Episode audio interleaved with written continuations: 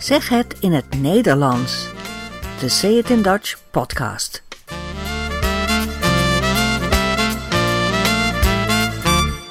Nummer 41. In deze aflevering gaan we naar het Caribische deel van Nederland. We duiken in de geschiedenis van de Nederlandse Antillen.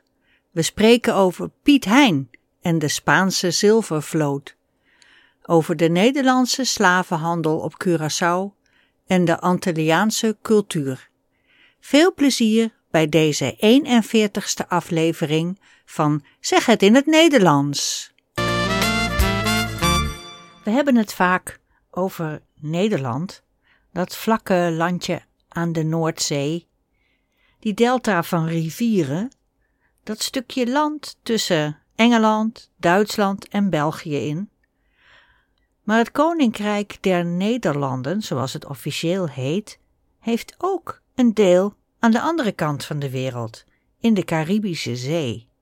Een Caribisch deel dat bestaat uit een stel eilandjes die nog niet zo lang geleden de Nederlandse Antillen heten. Dat deel hoort ook bij het Koninkrijk en ik wil daar deze keer iets over vertellen. Ik heb het over zes eilanden van de kleine Antillen.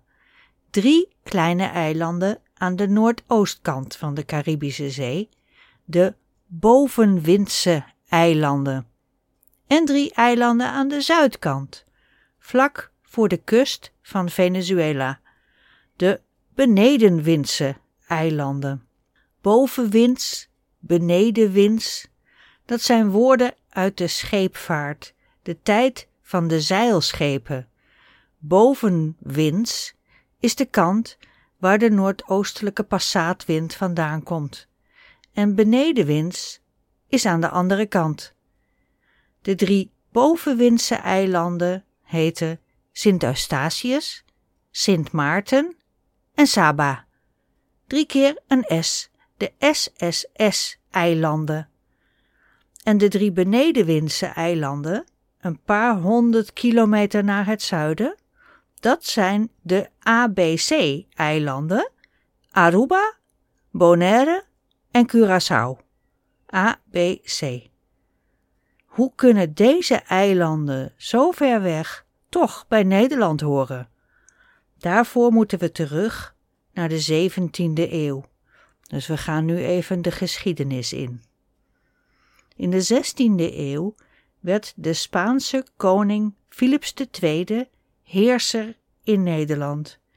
Maar daartegen kwamen de Nederlanders al snel in opstand. Het begon als een opstand, een burgeroorlog in 1568, maar dat werd later een echte oorlog van de Republiek der Nederlanden tegen Spanje de wereldheerser Spanje. Dat is de oorlog die we nu de 80-jarige oorlog noemen. Een oorlog die dus 80 jaar zou duren.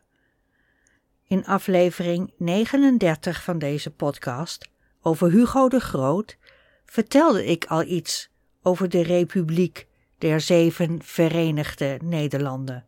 En over deze tijd gaat het nu ook. Deze 80-jarige oorlog gebeurde niet alleen aan de Noordzee, maar ook op de wereldzeeën.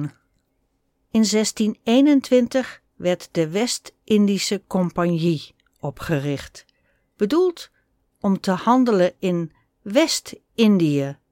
Dat is Noord-Amerika, Midden-Amerika en Zuid-Amerika. Gewoon om de Spanjaarden dwars te zitten. Handelen is typisch iets voor Nederland. En zeevaart ook. Er was al een Verenigde Oost-Indische Compagnie, gericht op Azië, en nu kwam er ook een West-Indische Compagnie, de WIC. Maar het ging de WIC niet alleen om handel hoor, het ging ook om kaapvaart, schepen en land van Spanje en Portugal kapen, veroveren en rijkdommen buitmaken. Want in Amerika Daar hadden Spanje en Portugal veel kolonies en er voeren regelmatig schepen met rijkdommen en handelswaar van Amerika naar Spanje. En Nederland dacht: als we die stukken land en die rijkdommen kunnen afpakken, dan wordt de oorlog voor Spanje moeilijker te betalen en daar hebben wij voordeel van. Nederlanders waren goede zeevaarders. De zeilschepen waren technisch superieur, met goede kanonnen en uitstekende verrekijkers. Eigenlijk alles wat je nodig had. En er waren zeelieden, kapiteins en zo, die heel goed konden navigeren. Een beroemd verhaal uit die tijd gaat over de Nederlandse admiraal Piet Hein. Hij was als jongen gaan varen. Hij was al eens gevangen genomen in Spanje, waar hij als galeislaaf moest werken, en later zat hij ook nog in een Spaanse gevangenis in Cuba. Hij had voor de VOC, de Oost-Indische Compagnie, gewerkt en kwam nu in dienst van de WIC, de West-Indische Compagnie, als admiraal. Hij was goed in zijn vak, want hij had in 1624 Salvador de Bahia veroverd, in Brazilië. Dat was knap, want die stad werd heel goed verdedigd. Hij werd toen al beroemd in Nederland. En vier jaar later werd hij nog veel beroemder. Hij vertrok in mei 1628, namelijk met een belangrijke opdracht met 31 bewapende schepen naar West-Indië, Caribisch gebied. Dat was om de Flotta de India's te veroveren, in het Nederlands de Zilvervloot. De groep schepen die twee keer per jaar met veel goud en zilver uit Mexico en Peru via Cuba naar Cadiz in Spanje voeren. Die vloot was al eens eerder door een Nederlandse kapitein aangevallen, maar toen was er niet zoveel buit gemaakt. Buit maken, dat betekent veroveren, in bezit nemen, afpakken. De buit, dat zijn de waardevolle spullen die je afgepakt hebt. Dit woord gebruiken we ook nu nog als er een dief op bezoek is geweest. De buit bedraagt 1000 euro, bijvoorbeeld. Maar hier bedroeg de buit soms een schip met waardevolle spullen. Admiraal Piet Hein voer met zijn schepen de hele maand augustus voor de kust van Cuba op en neer, in afwachting van de zilvervloot. En op een nacht kwamen ze een onbekend schip tegen, in het donker. En dat blijkt een Spaans schip te zijn van de zilvervloot, dat in een storm gescheiden was geraakt van de vloot. En toen ze de zeilen van Piet Hein zagen, dachten ze dat ze hun eigen vloot hadden gevonden, de Spaanse vloot dus. Maar helaas, het waren de Nederlanders. En Piet Hein sloeg meteen toe en hij wist negen schepen van de Spaanse vloot te kapen. De andere schepen van de Zilvervloot vluchtten de baai van Mantanzas aan de kust van Noord-Cuba in. Ze hadden hun verdediging gewoon niet zo goed geregeld en er ontstond paniek aan boord. En Piet Hein en zijn mannen weten dus ook deze schepen te veroveren. Een geweldige buit. Volgens de administratie van de WIC bestond de lading uit 60 pond goud en 177.000 pond zilver.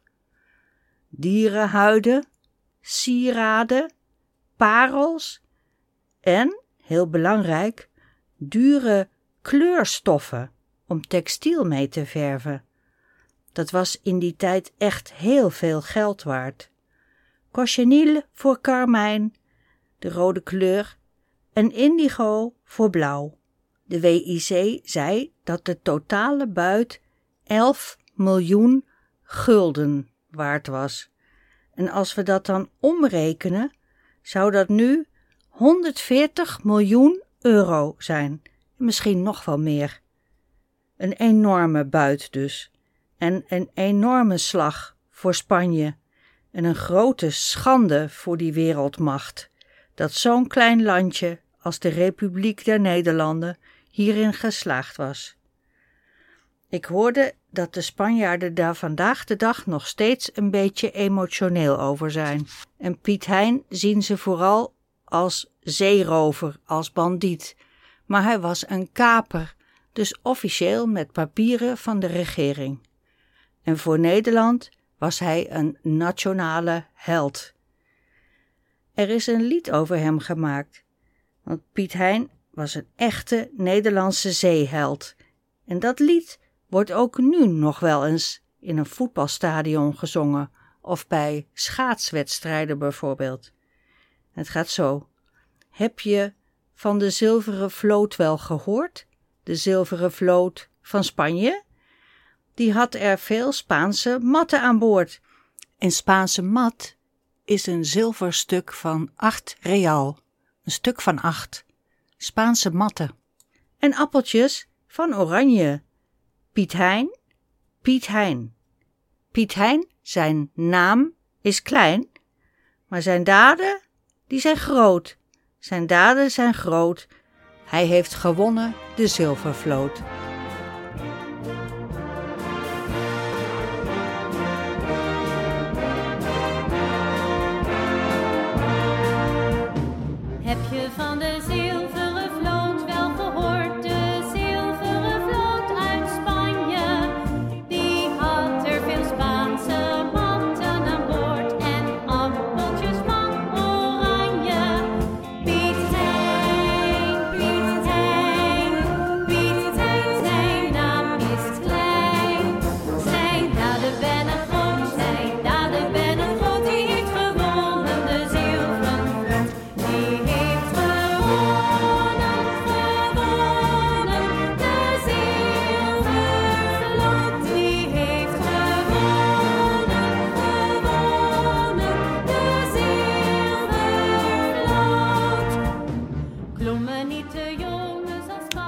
Lied gaat nog even door.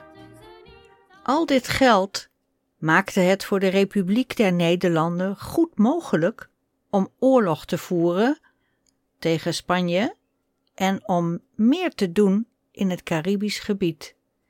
Er werden stukken land veroverd op het vasteland, zoals een deel van Brazilië in het noorden, en dus ook de zes eilanden van de Antillen, die ik eerder heb genoemd. Dat was in 1634 en de havenstad op Curaçao werd daarna Willemstad genoemd. Zo heet die nog altijd. En op de eilanden worden forten gebouwd. En daar beginnen dan helaas ook de zwarte bladzijden in de Nederlandse geschiedenis. De periode waar we niet trots op zijn want in de tweede helft van de 17e eeuw, als Piet Hein al een paar jaar dood is, gaat de West-Indische Compagnie, ondanks dat ze dat eerder niet wilde doen, toch meedoen aan de transatlantische slavenhandel. Slavenhandel was er altijd al, en zeker in Afrika en Arabische gebieden, maar in Noordwest-Europa waren er geen slaven meer sinds het jaar 1300, omdat er altijd voldoende contractarbeiders waren te vinden. Dus in Noordwest-Europa geen slaven. Maar voor de suikerplantages in Zuid-Amerika was de vraag naar slaven wel groot. Zo groot dat Nederland er ook wel brood in zag om de slaven van de Afrikanen te kopen en ze dan per schip van de westkust van Afrika naar Midden-Amerika te brengen en ze daar met winst te verkopen. Zo ging de West-Indische Compagnie een belangrijke rol spelen in de slavenhandel. Op Curaçao ontstond een belangrijke handelspost voor het gebied. De Nederlandse Republiek was maar een klein landje, maar in totaal nam ze wel ongeveer 5% van de hele transatlantische slavenhandel voor haar rekening. Van de totaal 12 miljoen slaven die in die eeuwen van de westerse slavernij werden vervoerd, hebben Nederlandse handelaren er zeker 550.000 verhandeld, dus een half miljoen. De meeste slaven werden aan andere kolonies of de plantagehouders op het vasteland verkocht. En dat ging door totdat de slavernij in 1863 werd afgeschaft. Het initiatief om te stoppen met de slavenhandel kwam uit Engeland en Nederland was zo'n beetje de laatste die ermee stopte op 1 juli 1863. Tegenwoordig is het op die 1 juli Ketikotti. Dat betekent de ketenen doorbroken. Veel mensen komen dan bij elkaar, bijvoorbeeld bij het slavernijmonument in Amsterdam. Daar staan we stil bij twee vreselijke eeuwen slavernij en verdeeldheid. En we vieren dat we nu samen vrij zijn, kunnen dansen, feesten en eten. De afschaffing van de slavernij, dat is uh, voor ons Surinamers heel erg belangrijk. is precies zo belangrijk als hoe jullie uh, de dodenherdenking hebben. Precies zo herdenken wij ook onze slaven en al onze mensen die in het verleden overleden zijn. Over deze periode wordt veel gesproken tegenwoordig. En helaas maken activisten het soms erg moeilijk om bij de feiten te blijven. Zo denken sommige mensen dat Amsterdam helemaal gebouwd is op slavernij en op kolonialisme en op uitbuiting en allemaal slechte dingen. Maar Amsterdam was al voor de VOC, voor de WIC en ook voor de slavenhandel al heel rijk geworden door gewone handel, eerlijke handel in spullen, in hout en zout en textiel en noem maar op. En toen Nederland wel ging meedoen met de slavenhandel, toen maakte dat ongeveer 5% van alle inkomsten uit. 95% dus andere dingen zoals landbouw of handel. Natuurlijk is 5% nog steeds veel te veel. Maar het valt niet mee om dat in deze tijd te kunnen nuanceren. Maar trots is niemand op die periode, echt niet.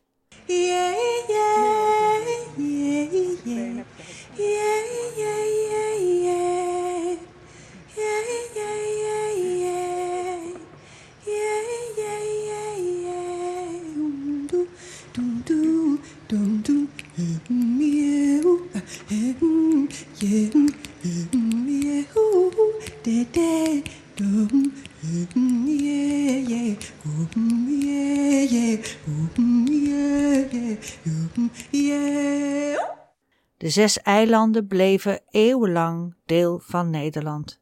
De kinderen leerden er Nederlands op school.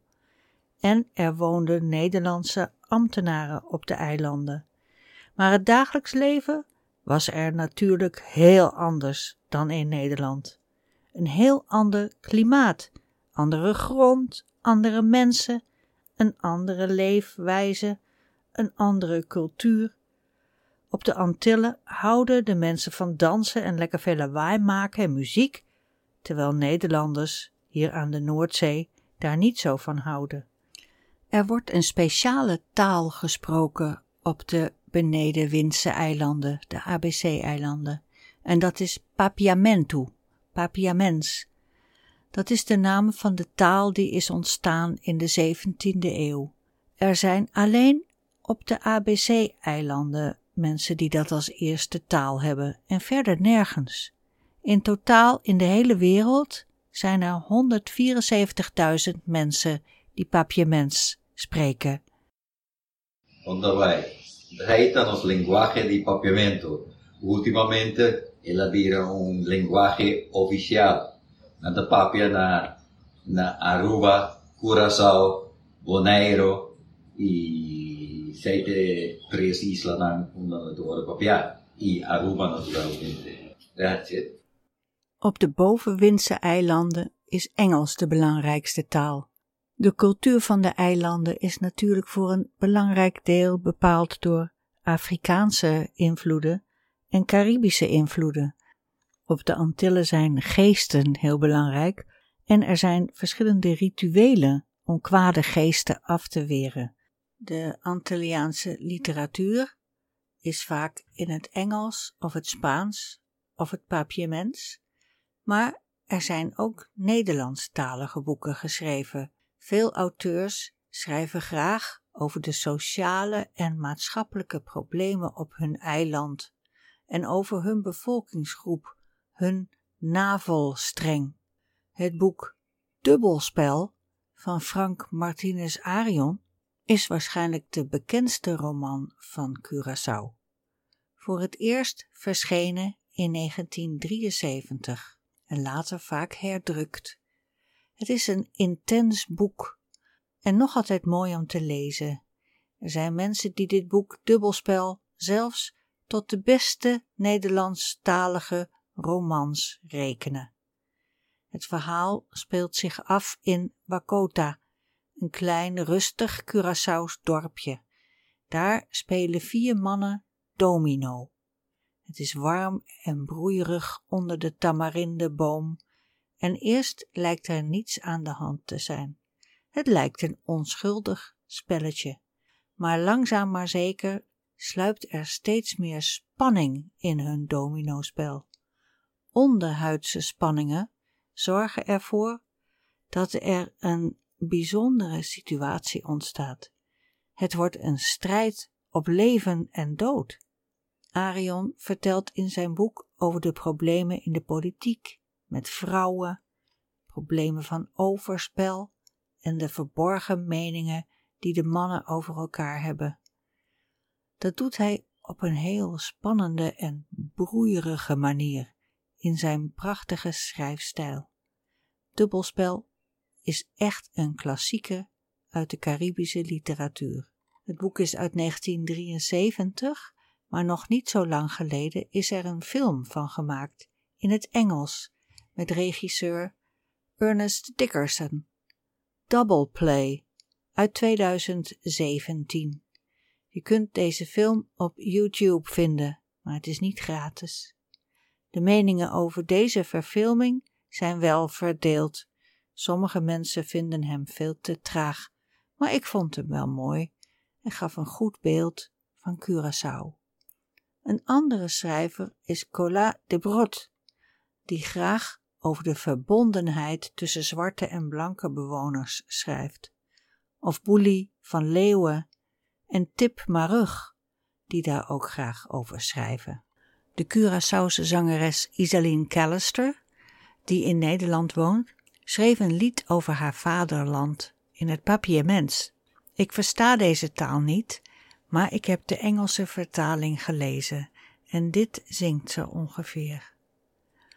Mijn land is een heel kleine plek met een rijke historie. Rotsen, bossen, wind en zee.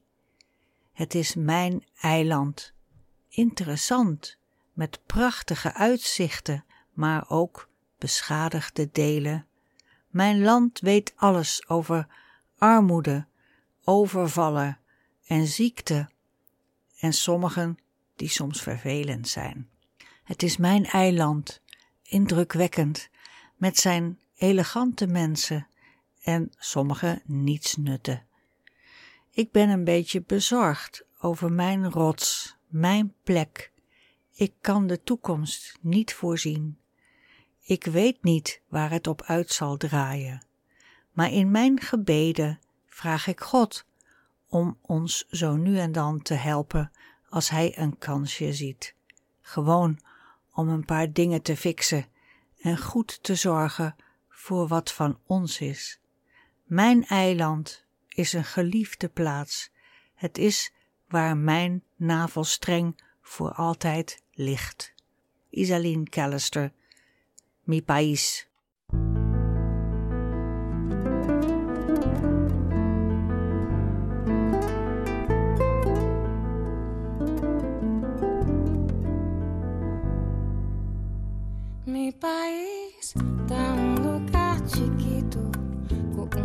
storia ricula, piega mondi, viento y lama.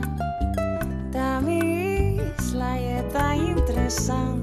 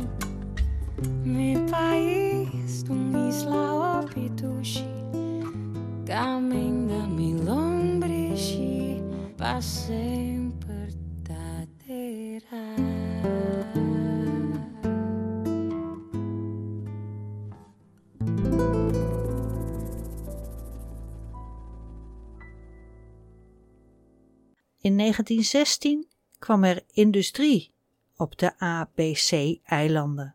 De Shell bouwde een olieraffinaderij en Exxon en andere Amerikaanse oliebedrijven ook. Het was op Curaçao en Aruba en dat gaf de eilanden een echte oppepper. Al waren de bazen vooral Nederlanders en Amerikanen en deed de plaatselijke bevolking het zware werk. Er was wel veel werk en er werden nieuwe woonwijken gebouwd, want er kwamen ook veel gastarbeiders van andere eilanden en van Venezuela. In de vijftiger jaren werkten er op Curaçao en Aruba wel 20.000 mensen in de olieindustrie. Na de Tweede Wereldoorlog gingen Nederland en de Antillen overleggen over zelfstandigheid van de eilanden. In 1954 kregen de Antillen politieke autonomie en de officiële naam werd de Nederlandse Antillen. Ze konden nu eigen wetten maken. Maar de band tussen de eilanden en Nederland bleef sterk. Antillianen hielden hun Nederlandse paspoort en de eilanden hebben ook maar een kleine economie. Ze hebben heel veel financiële en militaire steun nodig van Nederland en studiebeurzen en noem maar op. Maar de verhouding tussen de Nederlandse bazen en de armere bevolking, die was niet goed. En op een gegeven moment was er een staking in 1969 die eigenlijk een soort revolutie werd. En er moesten zelfs soldaten komen om de orde te herstellen. En daarna is er veel veranderd op Curaçao. De plaatselijke bevolking kreeg veel meer te zeggen en de Nederlanders trokken zich verder terug. In 1985 besloten Shell en Exxon en Lago om hun oliebedrijven op Curaçao en Aruba te sluiten. En een deel werd door Venezuela overgenomen, maar er was daardoor veel minder werk en heel veel Antillianen vertrokken voorgoed naar Nederland. Want ze hadden een Nederlands paspoort en ze zochten hier een betere toekomst. Tien jaar daarvoor was de Nederlandse kolonie Suriname onafhankelijk geworden. De Zeeuwse vloot uit Nederland had dit land in 1667 in een oorlog met Engeland veroverd. En het was sindsdien een Nederlandse kolonie. Bij de onafhankelijkheid van Suriname in 1975 kregen alle Surinamers de keuze de Nederlandse nationaliteit behouden, maar dan wel emigreren, of de Surinaamse nationaliteit krijgen en blijven. De Nederlandse regering dacht dat de Surinamers wel blij zouden zijn met hun nieuwe, vrije, zelfstandige land. Maar er kwamen ruim 330.000 Surinamers naar Nederland, vooral toen er na een paar jaar een militaire coup werd gepleegd door Desi Bouterse. Er wonen nu nog ongeveer 475.000 mensen in Suriname en in totaal vertrok dus meer dan een derde deel van de hele Surinaamse bevolking naar Nederland. Het was zeker niet makkelijk voor deze grote groep mensen om een huis of werk of een opleiding en een goed leven te vinden in Nederland. En Nederland moest er ook aan wennen. In het begin waren er dan ook veel problemen, maar Surinamers spreken gelukkig van huis uit Nederlands en dat maakt de integratie uiteindelijk goed mogelijk. Dat ging een beetje anders met de Antillianen, die meestal Papiaments of Engels als moedertaal hadden en maar een klein beetje Nederlands spraken. Er kwam in de jaren tachtig een flinke emigratiegolf van Antillianen die allemaal naar Nederland vertrokken. In totaal wonen er nu ruim 150.000 Antillianen in Nederland, waarvan een deel ook inmiddels hier is geboren, de tweede generatie. De meeste Antillianen wonen in Noord- en Zuid-Holland. Er zijn helaas nog steeds veel problemen in deze groep mensen. Maar dat geldt natuurlijk niet voor iedereen. En er zijn gelukkig eh, veel projecten die de mensen proberen te helpen aan een betere toekomst. En de Antillianen die wel op Antillen zijn blijven wonen? In 2010 kwam er weer een verandering. Aruba had al eerder een status aparte gekregen, maar nu gingen ze ook over de andere vijf eilanden praten. Ook weer heel lang vergaderen en overleggen en onderhandelen. Er was een referendum onder de bewoners welke eilanden precies zelfstandig wilden worden en welke niet. Het Koninkrijk der Nederlanden had toen nog drie landen: 1. Aruba, 2. Nederland en 3. de Nederlandse Antillen. Maar twaalf jaar geleden veranderde dat en waren er vier landen: 1. Aruba, 2. Nederland, 3. Curaçao, 4. Sint Maarten. Best ingewikkeld hoor. De naam Nederlandse Antillen is in 2010 verdwenen. Wat is er dan met die andere eilanden gebeurd, Bonaire en Sint Eustatius en Saba? Nou, die zijn dus Nederland geworden. Die zijn Nederlandse gemeenten geworden, net als Utrecht of Rotterdam. gemeente Saba, gemeente Bonaire.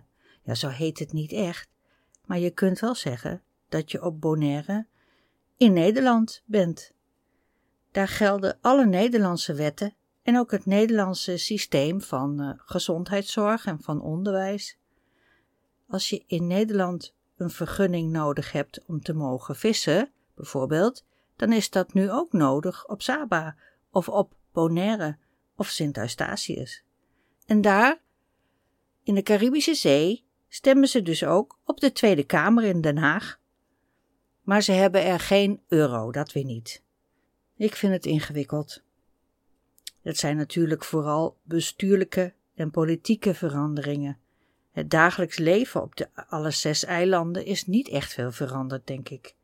Op Curaçao leven de mensen vooral van toerisme. Het is een prachtig, gezellig eiland, zegt iedereen. Ik ben er zelf helaas nog nooit geweest. Ik heb dat alleen gehoord. Jaarlijks komen er ongeveer 1 miljoen bezoekers. Maar in 2020 viel dat helemaal stil met de pandemie. Van 1 miljoen bezoekers naar nul. En heel veel mensen zijn er toen hun werk kwijtgeraakt. Nog meer armoede. Gelukkig kun je nu weer op vakantie naar dit prachtige eiland. Met mooie stranden, een warme zon, wind van zee, een lekkere cocktail op het strand en veel muziek.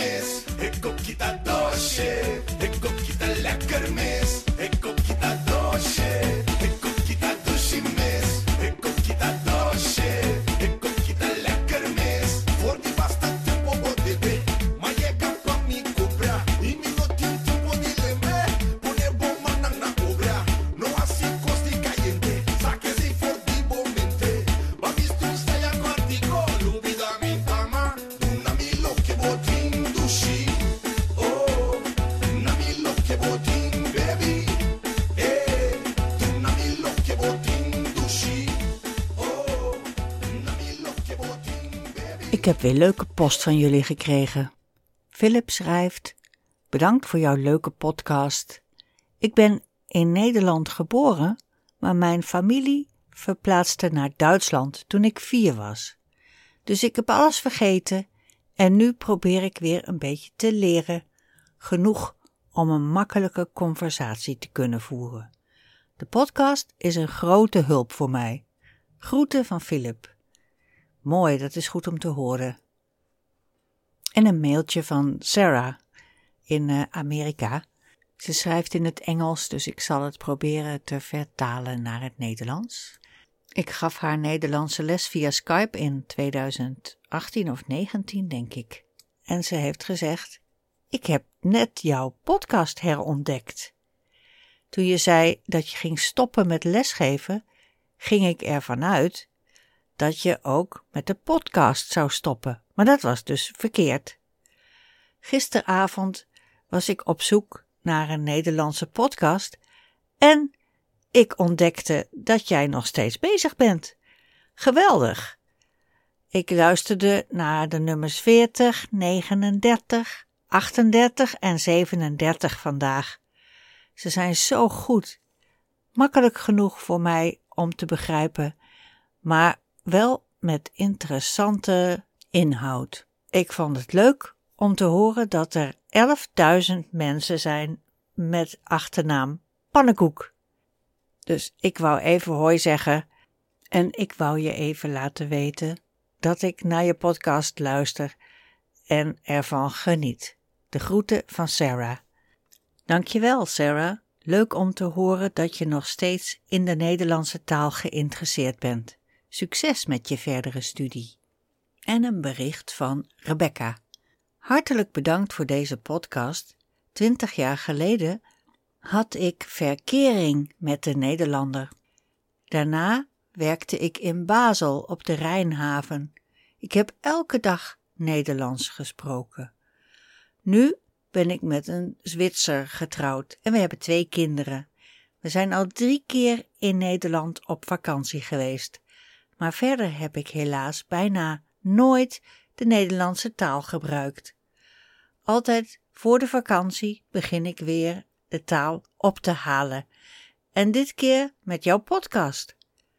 Rond aflevering 20 is het gebeurd. Ik denk weer in het Nederlands. En ook tegen mijn familie komen soms Nederlandse woorden. Ze verstaan het niet. Altijd weer grappig. Ik vind het ook super elke keer weer iets nieuws over Nederland en de cultuur te leren. Over veertien dagen vertrekken wij voor twee weken naar Nederland en we kunnen bijna niet wachten. Hartelijk bedankt voor deze podcast. Groetjes uit Zwitserland. Nou, leuk hoor. Heel goed om te horen. En een heel fijne vakantie gewenst in Nederland. En dan nog een bericht uit Zuid-Tirol, het Duitsstalige deel van Italië, van Georg. Hallo allemaal, ik wilde je bedanken voor de podcast. Je lieve karakter is echt leuk om naar te luisteren. Mijn vriendin woont in Groningen en ik wil Nederlands leren. Ik kan veel begrijpen. Helaas ben ik al aan het einde van de afleveringen gekomen, maar dat maakt niet uit. Ik begin gewoon opnieuw met aflevering 1. Dat is een goed idee, Georg, maar ik ga proberen weer een nieuwe aflevering voor je te maken. Iedereen weer heel erg bedankt voor de berichtjes en ook voor de donaties. Die zijn heel erg welkom, want met de donaties kan ik zorgen dat de podcast blijft bestaan en dat ook de website Dutch Idiom blijft bestaan, waar je meer informatie kan vinden over elke aflevering. En daar vind je ook een reactieformulier. Dus als je mij een berichtje wil sturen, kun je dat via dutchidiom.com doen. Super bedankt. We zijn aan het einde gekomen van deze aflevering. Hartelijk bedankt voor het luisteren. Lees meer, doneer, reageer en abonneer je op www.dutchidiom.com. Tot ziens!